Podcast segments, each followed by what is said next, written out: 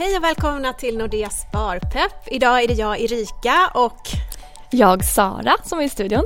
Precis, kul att vara här igen. Jättekul. Erika, vad ska vi prata om idag?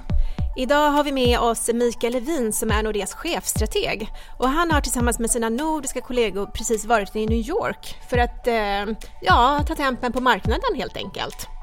Exakt, och det är lite det vi ska prata om idag men vi ska också fråga mycket om vad han faktiskt gör om dagarna som chefsstrateg här på Nordea så jag tycker att vi kör igång. Det gör vi.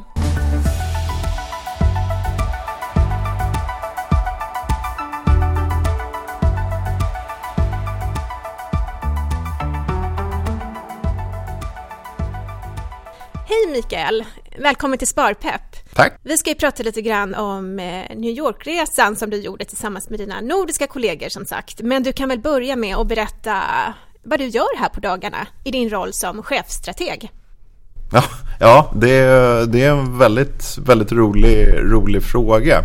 Eh, för det, det, ja, det är ett ganska brett område.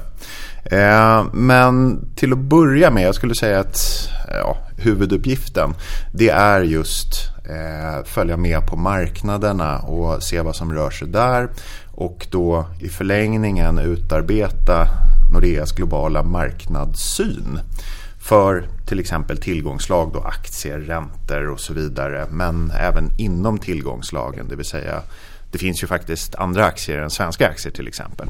Och det är ju klart vi måste ha en syn på till exempel japanska aktier eller amerikanska eller europeiska tillväxtmarknadsaktier och så vidare. Och det gäller även inom räntebenet. För det är räntor, det är ju massor av olika ränteslag det också. Och då eh, har vi givetvis en syn på det där och eh, rekommenderar våra kunder då hur de ska sköta sin vad man brukar kalla taktiska allokeringar eller om man, om man gillar att följa just marknadsrekommendationer. Så det är väl, det är väl egentligen liksom huvudgrejen. Men sen innebär det ju också att eh, träffa kunderna. Det är olika kundträffar och eh, även då ha viss kontakt med media. Så att de också får reda på vad Nordea tycker om, om ditten och datten på, på marknaderna. Och sen kan vi säkert, säkert slänga in massor av andra saker där också. Dagarna har ju en tendens att gå om jag säger så. Mm, och du har några kollegor här också. Ja. Du är inte själv. Nej, det, det säger sig självt att har du en global marknadssyn så en person klarar ju inte av det. Det går inte. Utan teamet är eh, nordiskt så det finns en chefstrateg i varje land. Och så har vi ett antal strateger då också som, som följer marknaderna. Så varje person har, har sin lilla bit så att säga och sen aggregeras det här ihop på, på nordisk nivå då till, till Nordeas marknadssyn. Och den är likadan i Finland som den är i Sverige eller Norge eller Danmark. Men vilken är din del av marknaden? Ja, eh, vi har ju då de olika chefstrategerna, eller vi är fyra stycken. Vi är själva investeringskommittén så vi tar ju besluten om vi ska övervikta det ena eller undervikta det andra och så vidare baserat då på input från, från hela teamet. Eh, så att eh, min del handlar ju tillsammans med de övriga chefstrategerna mycket om den här lite bredare penseldragen. Och sen våra strateger då, de är mycket mer djupt inne till exempel i den europeiska aktiemarknaden eller tillväxtmarknadsobligationer eller alternativa investeringar eller vad det, vad det, vad det nu kan vara. Eh, men specifikt så, så är det det som brukar kallas level 1-beslutet och det är alltså det beslut man tar mellan aktier och räntor. Relativspelet mellan de två, om man ska övervikta det ena eller det andra. Eller, ja, eh, och där har vi då eh, mellan oss chefstrateger ett antal olika ansvarsområden för att komma fram till det här level 1-beslutet. Och där pysslar jag ganska mycket med sentiment och positionering och tekniska indikatorer och sådana saker på marknaden. Det, det finns hur mycket som helst att, att titta på där såklart. Det är då du riktigt nördar ner dig lite eller? Ja, det kan man väl kalla det kanske. Men samtidigt är det ju väldigt intressant också att se. Eh, just den delen, den är ju lite fluffig mm. när, man, när man hör ordet sentiment. Vad, vad, vad betyder det? Men det, det, handlar ju väldigt mycket om att, att, försöka titta på hur ligger marknaden positionerad? Vad tror marknaden? Det handlar ju om att försöka förutspå vad psykologin eller vad de andra aktörerna tror om framtiden. Och så finns det ju då som jag sa en, en, en hel uppsjö av olika indikatorer där att följa. Man kan ju tänka lite att du sitter nästan och kollar in i den här spåkulan. Ja, eh, dock så vill jag påpeka att jag, eh, jag har en stående beställning på en sån här kristallkula men den är alltid restnoterad okay, av någon anledning. Får alltid, ja, man, får, man får ett meddelande där i januari att nej, den, är, den, är, den är restnoterad.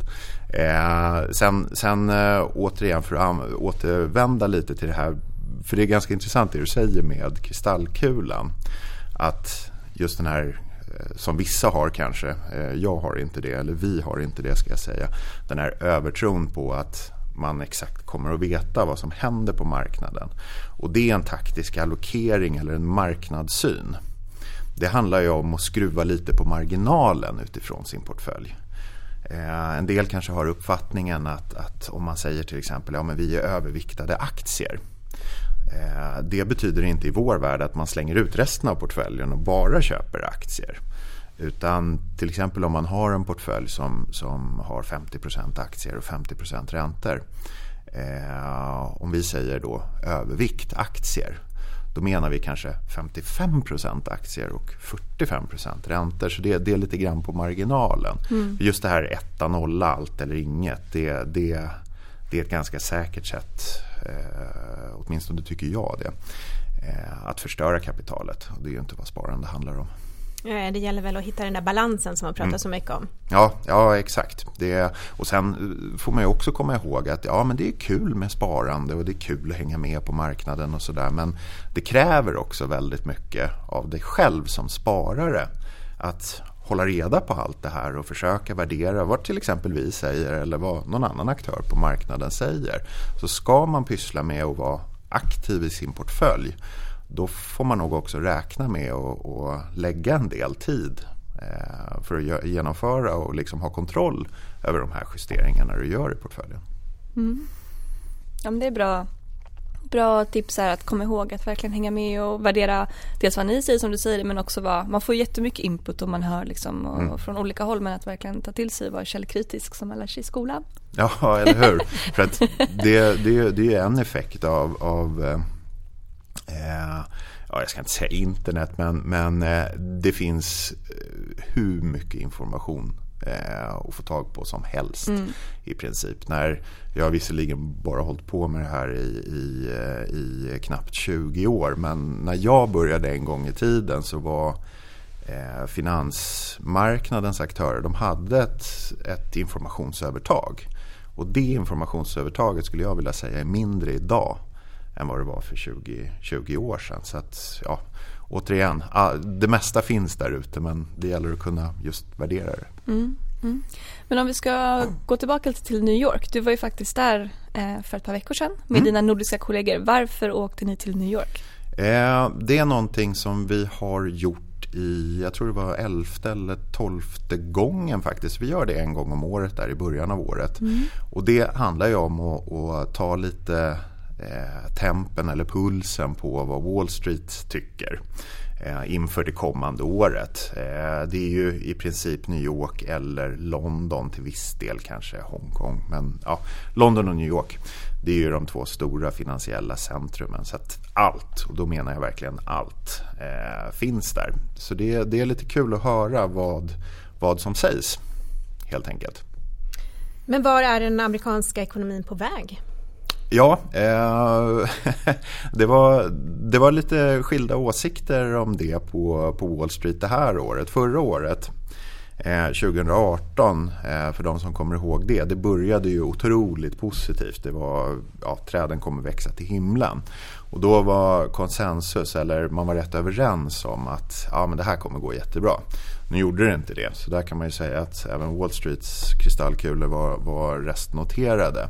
Men i år då efter eh, avslutningen på 2018 som var rätt stökig så var, eh, vad ska jag säga, spannet var väldigt, väldigt stort mellan Wall Streets då olika aktörer om vart den amerikanska ekonomin är på väg. Så det var allt ifrån eh, vissa företrädesvis ränteförvaltare, de är alltid lite mer pessimistiska av någon anledning, eh, som i princip förutspådde eventuellt recession 2019, alltså redan i år, till ja, lite mer positiva aktörer som trodde att tillväxten faktiskt skulle öka från dagens nivåer. Så det, var, det var stor spännvidd där i år. Man kan tänka att Donald Trumps agerande och twittrande skapar mycket liksom, hysteri världen över. Men hur påverkar det egentligen hans, hur påverkar hans beteende? Ja, eh, Donald Trump var väldigt eh, i diskussionerna förra året och framförallt året innan då när han skulle eh, installeras eh, som president. Eh, nu var fokus kanske inte riktigt lika stort på Trump som person som det var, har varit de tidigare åren. Då. Men, men eh, det är klart att eh, när man sköter delar av politiken, om vi ska kalla det så, via ett Twitterkonto så det är klart att marknaden har extremt stor koll på det där kontot och, och han, han orsakar nog till viss del kortsiktiga rörelser i marknaden beroende på då vad han säger. Och det är lite det som är grejen att det är ingen som vet vad han kan tänka säga på Twitterkontot. Och det är väl därför det får då så, så, stort, så stort genomslag. Men eh, lite som politik i övrigt att ofta så får politik kortsiktiga effekter kanske en eller ett par dagars reaktion på marknaden. Men de längre så att säga, bestående effekterna oavsett om det är Trump som twittrar eller om det är politiska event i övrigt eh, de, de är övergående. För marknaden handlar ju om att prissätta tillgångar och då är det oftast fundamentala drivkrafter som gäller, det vill säga den ekonomiska utvecklingen eller vinstutvecklingen eller ja, värderingen av olika tillgångar och så vidare snarare än vad herr Trump då får för sig på morgonkvisten och skicka ut på, på Twitterkontot. Mm. Du och din kollega Sebastian var ju här för ett tag sedan i podden och pratade om handelskonflikter med Kina. Mm. Men vad händer där? Ehm, ja, eh, den är också intressant och det läggs en hel del analysresurser på det eh, på Wall Street. Det här var ett ganska återkommande tema. Och eh, vi fokuserar ju väldigt mycket i media och även på marknaden kanske om de här tarifferna. Om det ska vara 20% eller 25% tariffer eller 10% tariffer på si och så många miljarder dollar som USA importerar från, från, från Kina då, varor och, och till viss del tjänster. Eh, men där var Wall Street rätt eh, ja, de la inte jättemycket vikt över det här om det blir 10 eller 25 procents tariffer. Det är egentligen inte det den här handelskonflikten handlar om i första hand. Utan det är ju, eh, om man ska dra de stora penseldragen här, det är ju ett nytt imperium som utmanar det gamla. Och då brukar det alltid bli spänningar. Eh, och kineserna har, eh, och där tycker jag faktiskt Trump har eh, en liten poäng. Eh, de spelar lite fult på, på, eh, på handelssidan. Och USA är väl under Trump då är väl egentligen den första som har sagt ifrån. Europa håller ju med USA i många av de här frågorna. Med eh, att kineserna då har en tendens att, att kanske eh, försvåra då för utländska aktörer eh, för att komma åt den kinesiska marknaden. Man har eh, vissa fall där man, där man stjäl intellektuella rättigheter och så vidare. Och det, det är klart att som företag så vill du ju inte att din ja, dina varor eller tjänster ska kopieras och så får du inte någonting betalt för det. Eh, så att det är väl snarare de här stora strategiska frågorna och de löser man inte på kort sikt via tariffer på det ena och det andra. Eh, men frågan i sig, det är ju fram till den första, första mars här som den här vapenvilan då eller eh, vad ska vi kalla det, perioden där de kommer att förhandla eh, som eh, de kom överens om i Argentina här i november. Eh, så att före den första mars så tror väl de flesta att någon sorts form av deal, Trump pratar ju alltid deals, Eh, kommer att nås kring just de här tariffrågorna. Men de stora frågorna, intellektuella rättigheter, eh, utländska företags tillgång till den kinesiska marknaden och så vidare. Kina understödjer eller subventionerar till exempel eh, delar av, av, sin industri. De frågorna kommer inte lösas utan det, det, det är någonting vi kommer få leva med betydligt längre än så. Mm. Men en väldigt central del av marknaden är ju faktiskt vinsterna. Mm. Hur ser det ut på den sidan?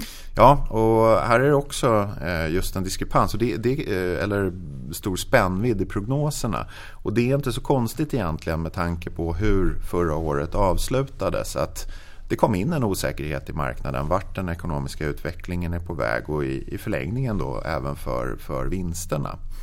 Och eh, vinsterna är ju den ultimata drivkraften för aktier. Det är ju det som bestämmer aktiepriser eller kurser över tid. Mm. Det är ju bolagens förmåga då att generera, generera vinst. Och där det, var det lite på Wall Street i varje fall allt ifrån vinstrecession, det vill säga att vinsterna ska minska till att de ska öka med ungefär 10% i år. Och vår egen syn där eh, med tanke på hur det ser ut nu på eh, vinstrevideringsfronten. Och det är ett sånt här eh, uttryck. Det är alltså hur många bolag analytikerna höjer vinsterna för respektive hur många bolag som de sänker vinsterna för. Och just nu så är sänkningarna väldigt, väldigt dominerande och då liksom det övergripande estimatet av vinsterna det sjunker ju då. Och det där sjunker i väldigt snabb takt för närvarande och det är lite oroande. Så att i början av året så, så trodde marknaden då att de amerikanska vinsterna skulle öka med någonstans runt 8-8,5 procent. Och nu är vi nere på under 6 procent. Mm. Och januari är inte slut än. Så att den där, det är åtminstone kortsiktigt en, en faktor som, som är lite oroande. Och eh, återigen, eh, kristallkulan är inte helt klar eh, på den här frågan. Men eh, skulle vi få se kanske 3-4 procents vinsttillväxt under eh, 2019 så skulle jag bli eh, ja, nästan positivt överraskad faktiskt. Okay. Men om du skulle sammanfatta resan till New York, hur skulle du sammanfatta den? Ja, eh, relativt åtminstone förra året och till viss del även året innan så, så var det lite det här att eh, Wall Street hade fått, fått äta lite humble pie som man säger. Det, det var lite nedslaget faktiskt. Eh, jag tror många var eh, väldigt eh, förvånade och kanske till viss del chockade över eh, den här korrektionen som vi såg i sista kvartalet och framförallt under december.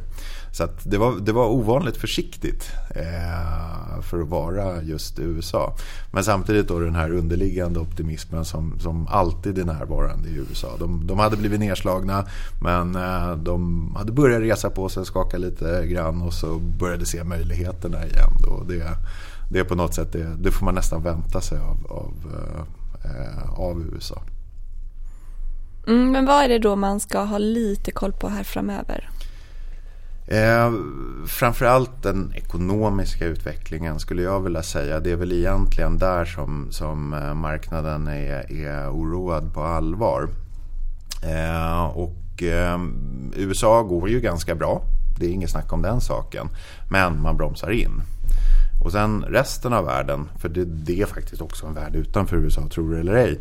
Eh, där är Kina ett väldigt, väldigt eh, ja, eh, central eh, vad ska jag säga, ekonomi eller aktör att få rätt vad som händer i Kina. Och det är ju lite svårare eftersom data är inte kanske 100% tillförlitliga och, och de väljer att visa vad de vill visa i, i vissa fall. Men marknaden är lite oroad för, för Kina. Det är ju trots allt världens andra största ekonomi. Eh, så den kommer att bli rejält viktig. Men även Europa som, som också är ett stort block i den globala ekonomin. Där bromsar in ganska så kraftigt eh, för närvarande. Så att den ekonomiska utvecklingen det är nog där eh, liksom man får börja. Och sen i förlängningen då till exempel vinster, hur värderas tillgångarna och så vidare. Men där finns det en osäkerhet nu. Eh, och framförallt då också vad centralbankerna gör i eh, den här situationen med osäkerhet. Så där, där tror jag man får lägga lite extra, extra krut på analysen här framöver. Mm. Och om man vill läsa mer eh, av det som ni kommer fram till i era analyser och mm. marknadssyner och så, var hittar man det någonstans? Eh, det hittar man, det, det ska jag nästan fråga dig om. ja, eh, jag är ju bara den här som sitter och skriver, skriver. Vi distribuerar och ja, Exakt, nej men det, det, Nordea har ju bland annat investeringsbloggen där vi eh, publicerar, det är väl nordea.se? Eh, Nordea.com, precis. Nordea.com, mm. där ser vi. Eh, där eh, publicerar vi varje månad ett destillat av vår, vår stora analys. Vi publicerar en, en, en liten grej som heter Global Asset Allocation Strategy eller GAS eh, varje månad. Och den, den dyker upp där på, på investeringsbloggen. Sen eh, ja, Nordeas eh, både Twitterkonton och LinkedIn-konton kan man ju följa. Precis. För där kommer ju de där ut. Absolut. Och sen om man mot förmodan eh, skulle vilja följa mig på Twitter. Jag kan redan nu säga att det blir inget Trump-twittrande tidigt på morgonen i, i mitt fall. Men eh, där brukar jag länka också. Precis. Eh, I ditt namn Mikael Levin, eller hur? Ja, M. Levin. M. Levin. Mm. Så hittar man mig på, på Twitter och det, det, det är allt möjligt vad gäller marknad som, som ni hittar där. Inklusive då länkar till våra, våra analyser och, och det vi skriver helt enkelt. Absolut. Och just på den här investeringsbloggen så kan man även se lite grann från resan till New York. Ja, Mm. det, vi spelade in några filmer där så, så ja, gå gärna in och titta. Ja, men då säger vi väl tack så jättemycket Mikael Levin för att du var med oss i Nordea Sparpepp idag. Mm, tack! Eh, Och tack för att ni har lyssnat. Vi hörs snart igen. Ha det bra! Ha det bra, hej då! Ciao, ciao!